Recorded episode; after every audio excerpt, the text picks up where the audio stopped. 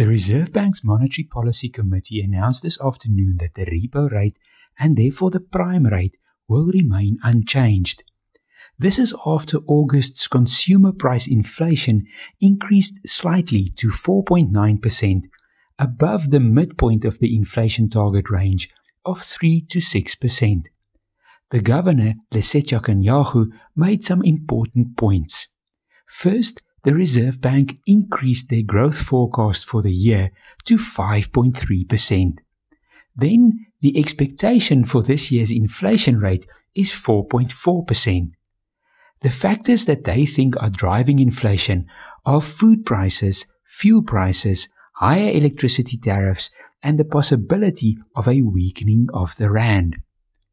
From a policy point of view, the Reserve Bank is in a difficult position. On the one hand, there is inflationary pressure, and the repo rate will have to be increased to fight it. On the other hand, headline inflation that excludes food and fuel prices is fairly stable at around 3%. It is also not clear that the rapid economic growth is putting pressure on input costs. The Reserve Bank's own forecasts for economic growth in 2022 and 23 are only 1.7 and 1.8%. In the end, it's not a question of whether the repo rate will rise, but when.